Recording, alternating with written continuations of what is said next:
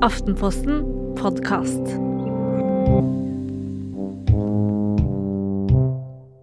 Vi tenker sånn Å nei, dette er en vanskelig prat. Da blir det flaut og vanskelig for ungdommene. Hei, jeg heter Tale Maria Krohn Engvik og er kjent som helsesøster. På sosiale medier så snakker jeg til unge om alt mulig rart. Og i denne episoden her så snakker vi om sex. Og jeg skal komme med noen fine tips til dere voksne. Og også kanskje dele noen litt sånn klassiske tabber som noen gjør iblant. Å, jeg så at du så på porno, eller eh, fant dere en kondom i lomma di?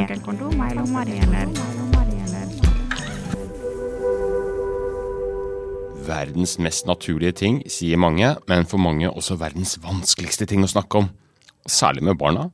Og det skal vi utforske litt nærmere. Hva skal man si til dem? Og når skal man si det? Velkommen til en ny episode av Foreldrekoden som ble innledet av selveste helsesista! Og hennes tips og erfaringer skal vi også drysse lett utover i sendinga som et supplement da, til dine gode råd, Hedvig Montgomery, som sitter her. Sex. Si meg, hvorfor blir det så flaut og kleint for oss? Ja, jeg må si, jeg syns ikke det er rart at dette er flaut. Og det rare er at jeg har ganske lett for å snakke om dette på kontoret mitt. Med folk som kommer innom og har forskjellige ting å fortelle meg, eller som lurer på forskjellige ting. Jeg er utrolig pinglete privat. Det er nesten flaut å medgi det. Eh, fordi da blir det så veldig, veldig nært. Eh, og kanskje er det svaret på hvorfor dette er så vanskelig. Fordi det å ha sex er noe av det mest private og aller mest intime, og kanskje også noe av det mest betydningsfulle vi alle gjør. Så ja, jeg skjønner godt at dette er vanskelig. Hvor tidlig skal foreldre begynne å snakke med barna om dette her? Ja, vet du hva? Dette er, eh, det er et så godt spørsmål, og svaret på det er begynn så absolutt tidlig som overhodet mulig. Er det sant? Ja, det mener jeg. Fordi at det å forklare en eh, treåring at det kommer egg i hver måned, og så brukes ikke alle de eggene, og derfor så kommer de ut med litt blod, og det er mensen, det er ganske lett å snakke med en treåring om. Uh, mens det å snakke med en tiåring om dette her, er alt, alt, altfor sent. Eh, det å snakke med en fireåring om hvordan barn lages, er de utrolig fascinert av, og, og syns faktisk er helt på ekte spennende. Eh, og ikke flaut. Eh, så det er, det er, lettere å snakke litt om det, og da snakker jeg litt om det sånn som de snakker om det, altså på et veldig barnslig nivå. For hvis du begynner nede på det der helt barnslige nivået, med tissen som, går, eh, som er annerledes på gutter enn på jenter, og av en god grunn, fordi at da, da, kan vi lage disse barna. Altså Hvis du har begynt å snakke med ham på den barnehagenivået som jeg er der, så er det mye lettere å forklare mer til åtteåringen, og forklare mer til tolvåringen, og forklare enda mer til 14-åringen. For du kan ikke begynne med den der kjempestore praten du kom, 'Nå skal vi snakke om dette for første gang', når de er 14 eller når de skal flytte hjemmefra. Da er jo rett og slett løpet lagt, og det er for sent. For sent. Hva, hva betyr for sent? jeg gir deg rett og slett små odds for i det hele tatt å få det til, og du må bare be til gudene om at noen annen kommer og hjelper deg. Eh, så selv om jeg fortsatt syns at du skal gjøre det, selv om du sitter der nå med en 14-åring hvor du bare tenker 'hjelpes', jeg har aldri sagt noen ting om dette, da hadde jeg begynt med å si det. Vet du hva, det er jo én ting som vi bare ikke har snakket om, og det er selvfølgelig min skyld, og fordi jeg er så utrolig flau. Men jeg kan jo ikke fortsette å være så flau fordi det er altfor viktig. Da hadde jeg begynt der. Mm -hmm, for å hente meg inn igjen. Ja, jeg skjønner. Det jo mange sikkert slitt litt med, er denne satsen. Hvor skal man satse hen? Under hvilke omstendigheter er det liksom riktig og fint og ålreit å prate om det? Nå må jeg si at Med de minste barna så, så er det litt sånn når de lurer på hvordan lages altså de, de lurer jo hvordan lager man barn. Ja. De lurer hva er det for noen ting som uh, Hvorfor er tissen min sånn? Ja. De lurer på den type ting. Uh, og jeg tror også det å ha en sånn grunnstemning av at ja, men vi går vi kan gå nakne rundt hjemme hos oss, du har sett meg i dusjen, og det er greit. Altså det, det å i hvert fall ha, ikke bli altfor flau inn i eget hjem, har mye å, å vinne på. Uh, da er det mye lettere å få de der anledningene hvor du kan hekte deg på at barna vil snakke. Eh, og det samme er det med, med, når det begynner å bli mer avansert, og, og vi skal snakke om sex og pornografi og sånne ting. Det er mye lettere når de har kanskje kommet i skade for å se noen ting og si ah, 'skjønner du så det', men vet du hva, det er kjempefint, for da kan vi snakke litt om det. Uh, så jeg, i mitt eget hjem så bruker jeg rett og slett bare de gratisanledningene som byr seg. Jeg har øynene og ørene på stilk for å skjønne når barna er litt nysgjerrige og litt mottagelige. Og da er det altså slik, hold deg fast, at i starten så er det 30 sekunders prater vi snakker om. Det er kjempekort. Og så etter hvert så er du kanskje helt oppe i tre minutter av gangen. Men så er de liksom ferdige med å snakke med deg om dette. Men hvert sånt lille drypp betyr noe i sum. Så når du hører her, jeg er altså ikke noen stor fan av tanken om den store praten. Jeg er en fan av dusj av småprat om dette.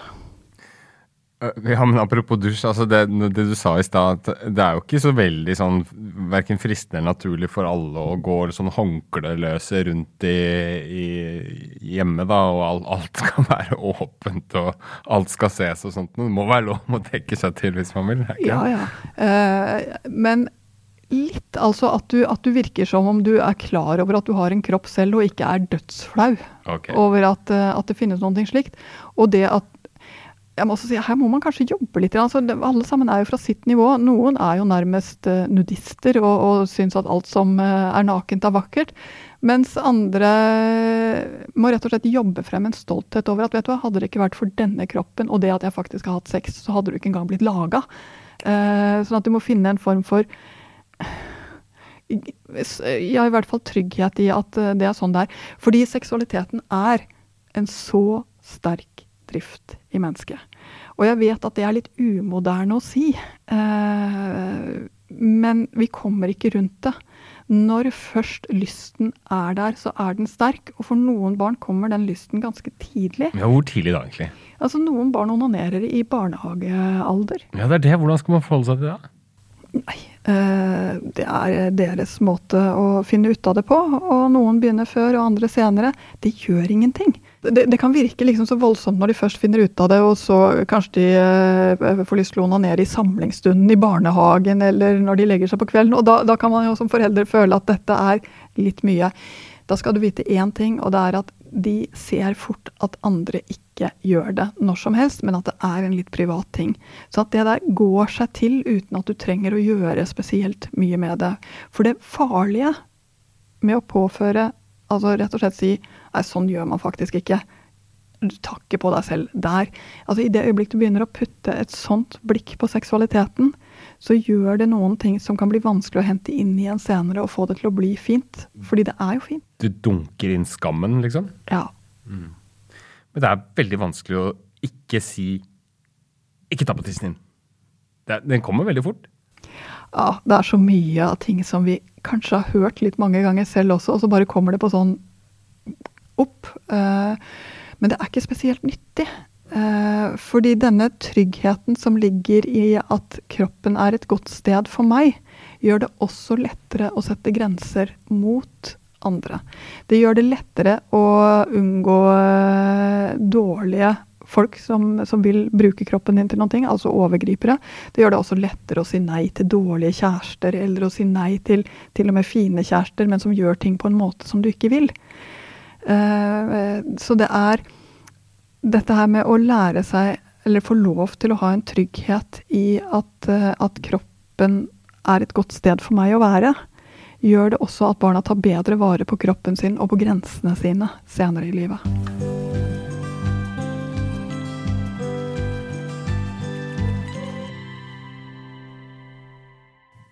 det du har snakka om hittil, er kanskje på litt sånn uskyldig eller hva man skal si, nivå på de minste barna. Men det det begynner å bli litt mer krevende, tenker du, og at man liksom stiller litt høyere krav? Ja, det kommer jo ganske si. tidlig. Altså det, er, det, kan jo være syvåringen som eh, nesten eh, mister munn og mæle over undertøyreklamen fra HM før jul ute på gata, og peker og kommenterer. Kan få frem eh, ganske mye flauhet i, i mang en forelder. Eh, og så skal man da snakke med den bitte lille gutten om eh, undertøydamer. Ah, det er ikke så lett, vet du. Nei. Men igjen, en mulighet til å faktisk gjøre det. Eh, for en del barn er litt grenseløse også i sin seksualitet. De, de blir for mye.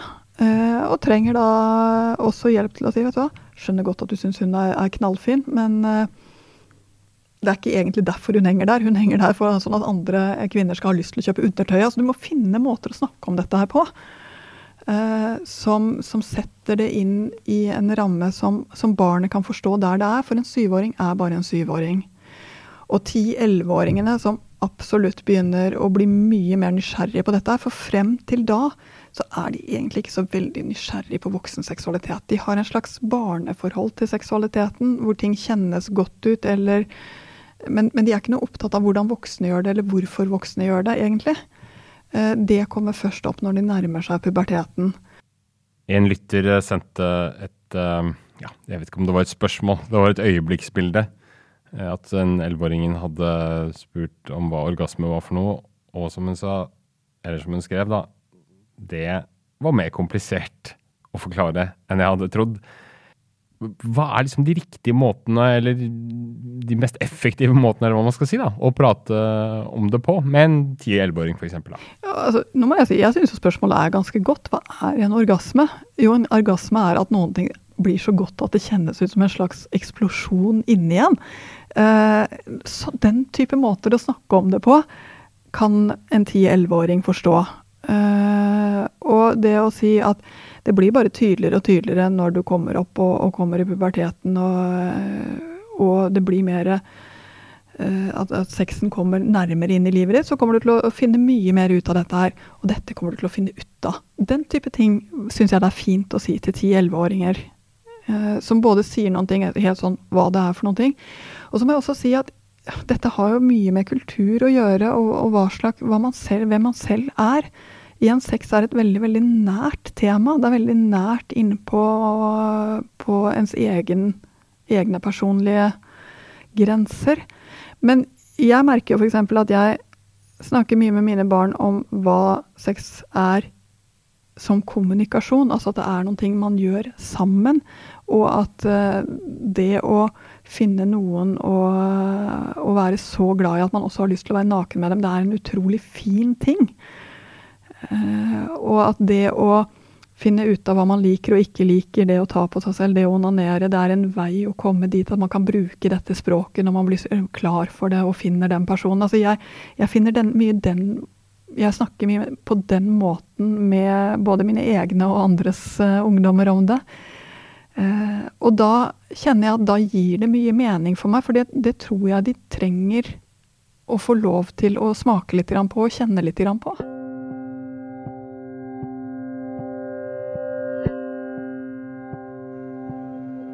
Ofte når det er snakk om sex, så er det snakk om alt som er på en måte risiko og kjipt, og man kan bli gravid og få kjønnssykdommer, og, og det er overgrep, og det er liksom alle de negative tinga. Men sex er jo egentlig liksom noe som er kanskje det fineste. Eh, at, at, de lærer at sex det skal være noe som er skikkelig fint, eh, og som, skal, som, skal, være godt for begge, og at, eh, og at det, det skal være frivillig.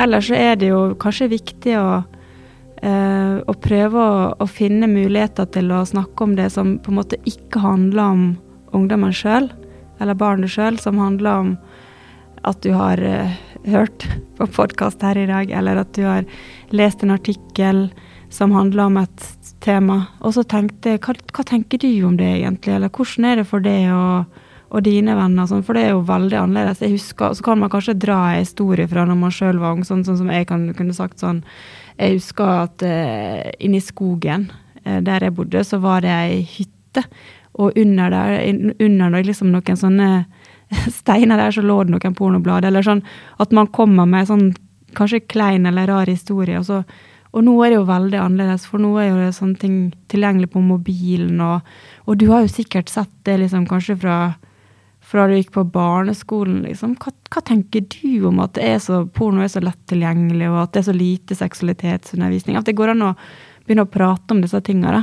Eh, at, det, at det ikke nødvendigvis handler om at det Å, jeg så at du så på porno, eller jeg fant dere kondomer i lomma di, eller At det liksom At ikke handler om, eh, om ungdommen sjøl, for da, da, da, blir de veldig sånn mistenksomme og bare Hva skal de ta med for noe, og hva vet de nå? og så, så liksom henger det på en knagg som ikke handler om ungdommen, men noe som du har sett eller hørt, eller liksom bare sette i gang litt sånn refleksjon rundt temaet, rett og slett.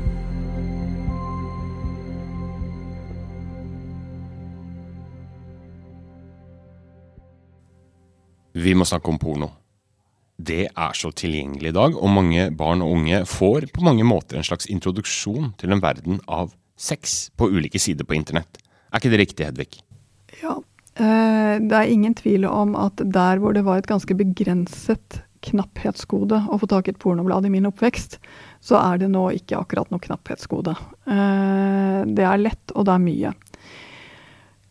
Det må både vi og de forholde oss til. Eh, og det betyr at du må snakke om porno før de begynner å se på det. Vi er helt nede i 8-9-10-årsalderen mm. hvis vi skal ha noe sjans. Uh, og det var det for en ting jeg syns er viktig å si om porno. Ja, det ene jeg syns er viktig å si, det er at det er ikke noe mer enn en fremstilling som er laget for at du skal like å se på. Det er ikke sånn det er. Altså der, det skal du være ganske tidlig ute med å forklare. For som du sier, det kan virke som det er en opplæring, men dette er jo ikke mye til opplæring. I så tilfelle blir det jo ikke mye til elsker. Eh, så, så de trenger ganske tidlig å få med seg at nei, ja visst finnes det der, og det finnes der fordi det er så mange som ser på. Og jeg, sånn er det. Men det betyr ikke at det er sånn det er. Det er noe annet å se på enn å gjøre. Mm. Men er porno er det skadelig? Ja, vet du hva? Jeg, dette er jo en sånn stor ting som diskuteres så mye, men sannheten er at all den tid vi knapt nok klarer å finne noen som ikke har sett på det, og vi fortsatt uh, fungerer sånn noenlunde som mennesker, så ser det altså ut til at, eh, at vi kan leve fint med porno. Men for noen, og kanskje spesielt i noen perioder, så blir det nesten litt besettende. Uh, det fortrenger alle andre tanker og alle andre aktiviteter. Uh, og enten du da er 14 eller du er 44, så vil jo det begrense livet ditt, for du trenger faktisk å gjøre noe annet. Eh, Men jeg vil jo si at det er mindre sært for 14-åringen enn for 44-åringen, for, for å begynne der. Eh, Og det andre er at ved at det ikke Altså at det er noe som, som man kan Ikke helt uten skam, men i hvert fall som det går an å si noe om, så er det også lettere å fange det opp hvis det skulle bli et problem på et eller annet tidspunkt. Hvis barnet ditt skulle se noen ting, enten hun er 10 eller 14 som hun syns er skremmende eller ekkelt, så må jeg bare si, For det syns jeg også er viktig å snakke en del med ungdom om, at en del av det som ligger der ute på nettet, det er sånn som jeg syns det er ubehagelig å se på. fordi det har ingenting med min seksualitet eller mine lyster å gjøre. Tvert imot så syns jeg det ser fælt ut, mens andre tenner på det av en eller annen grunn som jeg ikke skjønner. Og det er noe av det som er så rart med sex, er jo nettopp dette. At vi får ganske tidlige preferanser. Og det forskningen viser som også er litt interessant, er at de tidlige preferansene vi får, de sitter hele livet. Eh, Vi endrer preferanser veldig lite. Eh, fra vi begynner å, å få tak bokstavelig talt på vår egen seksualitet gjennom onanering, til vi, eh, til vi er ferdig med å bruke den på et eller annet forhåpentligvis sent tidspunkt. Det som jo kanskje blir litt komplisert i de eh, vanskelige åra, når eh, pubertet, tenåringsfase og sånt, er jo det at det, det siste man vel vil, er vel å snakke med foreldra sine om dette her. Og hva er triksene for å prøve å nå inn med noen budskap Mm. i den alderen? Eh, Jeg syns jo, hvis du klarer i hvert fall å vite at når barnet ditt eller tenåringen din har opplevd det på et eller annet, eller lurer om det på et eller annet, så kan du høre på om det eller uh, tåle det uten å dette av stolen. Ok, sånn at du, du var på den hytteturen, og så drakk dere litt alkohol. Ok, og hva skjedde for noen ting? Altså, høre på hva som skjedde. Akkurat så han ville at du skulle ta på ham. Jeg skjønner. Likte du det, eller likte du det ikke? Altså, ork å høre på det som har skjedd uten å, uten å bli fordømmende. For hvis du klarer å unngå fordømmelsen, da vil du også få vite det som er viktig, både av spørsmål og kanskje også av erfaringer som ungdommen ikke er moden nok til å håndtere selv.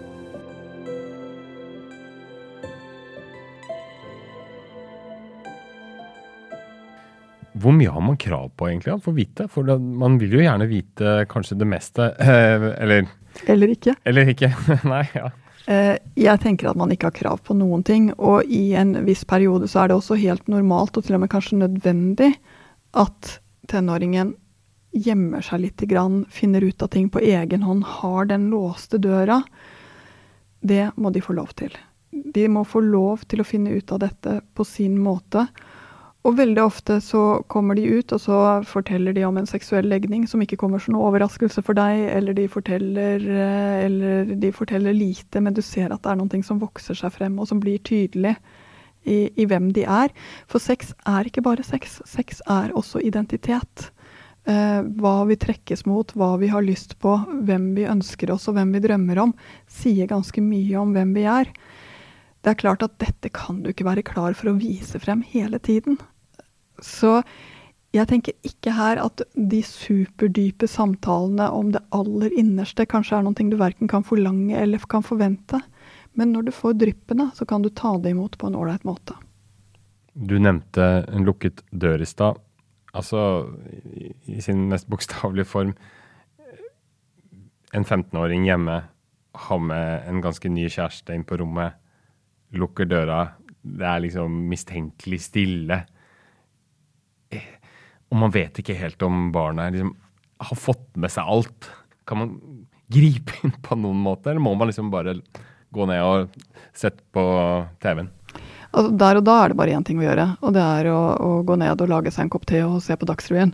Eh, men jeg syns det er ganske viktig når barnet ditt har fått sin første kjæreste, å si ah, syns, det eh, det er så fint at dere har truffet hverandre, hyggelig å se at du er så forelska. Har du attpåtil noe fint å si om, om den utkårede, så, så, gjør gjerne det også.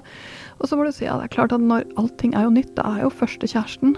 Uh, og det å vite noen ting om hvordan man ligger med hverandre, som dere sikkert kommer til å gjøre på et eller annet tidspunkt, eller kanskje ikke, det får dere bare se. Uh, og hvordan dere da skal sørge for at det ikke blir barn av det, som er egentlig litt for tidlig. At det er sånne ting som faktisk både jeg og helsesøs, helsesykepleier kan hjelpe deg litt med. Så jeg er her. Uh, du mener at man skal aktivt si sånne ting? Jeg mener at man aktivt skal si sånne ting. Og ja, jeg mener også at man aktivt skal kjøpe eh, kondomer. Men hva om det da er for unge barn? Og hvis det er for unge barn, hvis det er 14-åringer, kanskje en umoden 15-åring vi, vi, snakker om, ja, ja. det er jo du som kjenner barnet ditt, da må jeg si, da hadde jeg sagt det. Vi kan godt snakke om det, sånn at du liksom vet noe om det, men jeg tror det er lurt å vente. Uh, fordi det å bli kjent med seg selv på ordentlig før man deler det med noen annen, gjør det mye bedre. Altså, da kan du finne den måten å snakke om det på. Men vit én ting. Lyst er sterke saker. Det er ikke sikkert at det spiller noen rolle hva du har sagt for noen ting. Uh, men du kan gjøre det litt tryggere. Og jo tryggere det er, jo lettere er det å vente. Det er en av de tingene vi vet. Veldig mange unge deler nakenbilder. Det er liksom nesten blitt en del av det å ha kjæreste, kan man få inntrykk av. Hvordan skal man som foreldre forholde seg til det, egentlig? Altså, nå må jeg bare si ja, de gjør det. Og de aller fleste av disse bildene er utrolig ja, De er rett og slett ganske uskyldige og helt greie.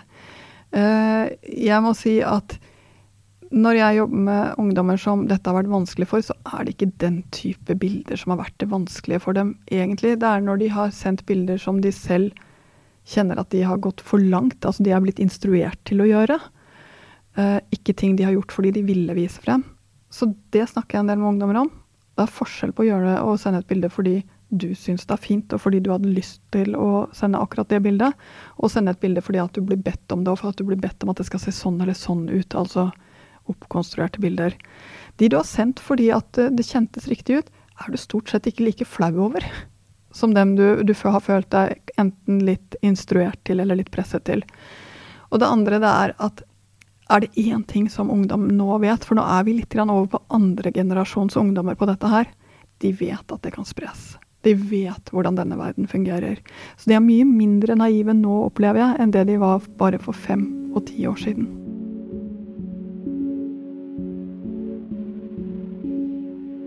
Husker en gang jeg snakka med ei jente på Snap som fortalte at hun hadde vært utsatt for et seksuelt overgrep. Og så sa hun at når det skjedde med meg, så var det ingen problem å si det til mamma, for det er jo mamma, vi har alltid snakka om alt. Mens barn som aldri har snakka med foreldrene sine om sånne ting. De, altså, de vil nesten heller ta livet sitt enn at foreldre skal få, få vite at de har blitt utsatt for et overgrep. For de skammer seg sånn. Det handler om tissen og rumpa og ting som man virkelig aldri snakker om. Eh, og det tenker jeg liksom en For meg er det et veldig fint bilde på hvor viktig det er å snakke om ting, og, og øve seg på det. Og snakke om ting fra de er veldig små, for da er det tryggere for dem å, å komme til det når det skjer noe. For ofte så skjer det ting i livet som ikke bare er kult. da. Det kan også bare være at de ser At de får tilsendt et nakenbilde, dickpic av en eldre person eller noe sånt, og så bare syns de det er kjempeekkelt. Og så vet bare hjelp hva jeg skal gjøre, liksom. Og så bare si det til, si det til mammaen eller pappaen din. Uh, og det, det, jeg ser det er mye vanskeligere for dem som ikke er vant til å snakke med foreldrene sine. Um, sånn at jeg tenker jo Måten som jeg snakker med dem, er jo at uansett så skal ikke jeg drive og peke finger eller si at du må aldri gjøre sånn, eller moralisere og sånn, for da, da, er, da mister de Da er ikke en person de ønsker å snakke med.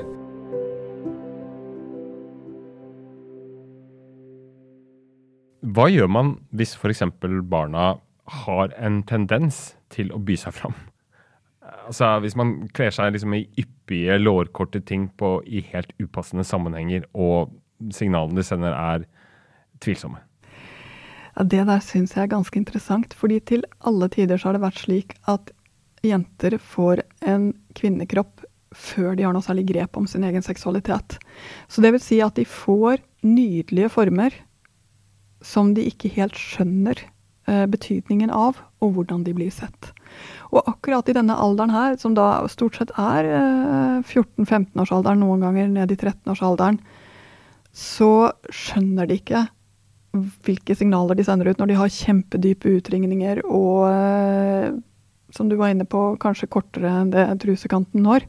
Og man kan bli litt for, forferdet, rett og slett. Altså, hva er det for noe som skjer?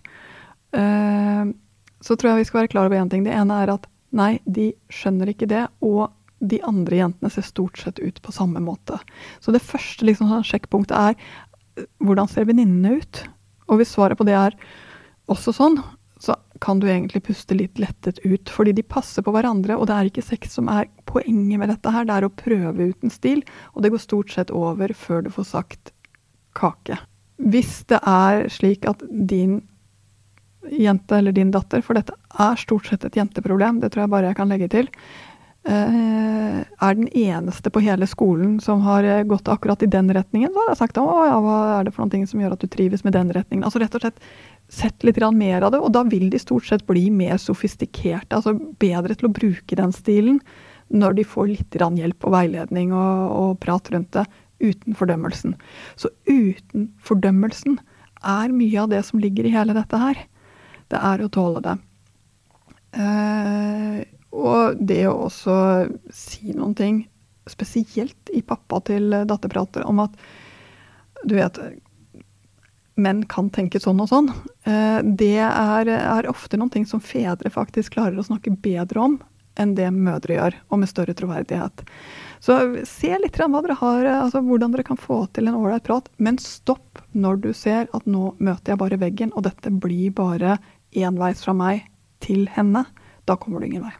Så det går an å hinte, foreslå om det kanskje fins bedre ting å ha på seg i denne sammenheng? Er det det du sier? Det er det jeg sier. Men hvis du møter motbør, så bare let it go? Let it go. Trekk deg tilbake. Vi blir av og til litt lurt, fordi de kan se ut som de er så mye mer modne og gjør så mye mer spennende ting enn det de faktisk gjør. Eh, den debutalderen for sex har økt lite grann, den har ikke gått ned. Eh, så av og til tror jeg kanskje at det er vi voksne som har en tendens til å seksualisere ungdommene mm. mer enn de seksualiserer seg selv. Så jeg tenker vi skal ikke være naive. Vi skal hjelpe dem på veien med å finne sin seksualitet og finne sin trygghet ved å vise at det er helt OK og vi mm. tåler det. Men vi trenger ikke akkurat å tro at de lever et utagerende liv, og at det normale er å debutere som 15-åringer. Det er ikke det. Det ligger fortsatt på rundt 17 år eh, for både jenter og gutter. Så jeg tror vi av og til også overvurderer litt grann hva som faktisk skjer. Likevel så mener du altså at det er ingen som løper noen fare for å rushe sexpratet med barna? Det å ikke ha sexpraten med barna gjør at de står helt alene når de sliter med et eller annet som har vært vanskelig for dem, og det gjør at vi ikke kommer i en posisjon til å hjelpe dem når de trenger det. Så jo tidligere du begynner, jo bedre rusta er du. En ting som foreldre kanskje kan eh, gjøre litt feil noen ganger, er hvis de eh, blir litt redd, eh, litt bekymra. Kanskje har de sett sånn alle ungdommer skjønner nakenbilder, f.eks. Og så blir de veldig skremt, da. Og så blir de veldig streng, veldig moraliserende. Og bare sånn Eller kommer med sånne kommentarer sånn Å, herregud, altså. Jeg skjønner ikke poeng med å ta det sånn. Altså, de som driver med sånn, de er så dumme. De må jo skjønne at det blir gå gale og bla, bla. Da, altså I praksis så vil jeg si at man, da lukker man den døra. For at den dagen uh, ungdommen din eller uh, en av vennene deres gjør en eller annen feil eller dum ting eller havner i trøbbel, så kommer de i hvert fall ikke til det. Jeg bruker å si at jeg har et sånt livreddende førstehjelpsråd til voksne og til foreldre. Det er veldig enkelt. Det er bare å si eh, Vet du hva, den dagen du havner i trøbbel, gjør, gjør en eller annen feil, eh, gjør noe skikkelig kjipt, så bare kom til meg og si det til meg. Uansett hvor vanskelig det er, og uansett hvor flaut det er. Eh, så skal jeg gjøre alt jeg kan for ikke å bli sint. Eh, jeg skal prøve å støtte og hjelpe deg. Og det er skikkelig viktig for meg at du vet det. For det kommer til å komme sånne kjipe hendelser en eller annen gang. Vil du og barna dine høre flere nyttige råd fra Helsesista, så anbefaler vi podkasten Juniorrådet. Den er mynta på barn, og i seneste episode kan du bl.a. lære den edle kunsten å kysse. Så den anbefaler vi altså Juniorrådet. Ellers er vi tilbake neste mandag, og mandagen deretter hver mandag ny episode av Foreldrekoden. Takk for at du hørte på. Ha det bra.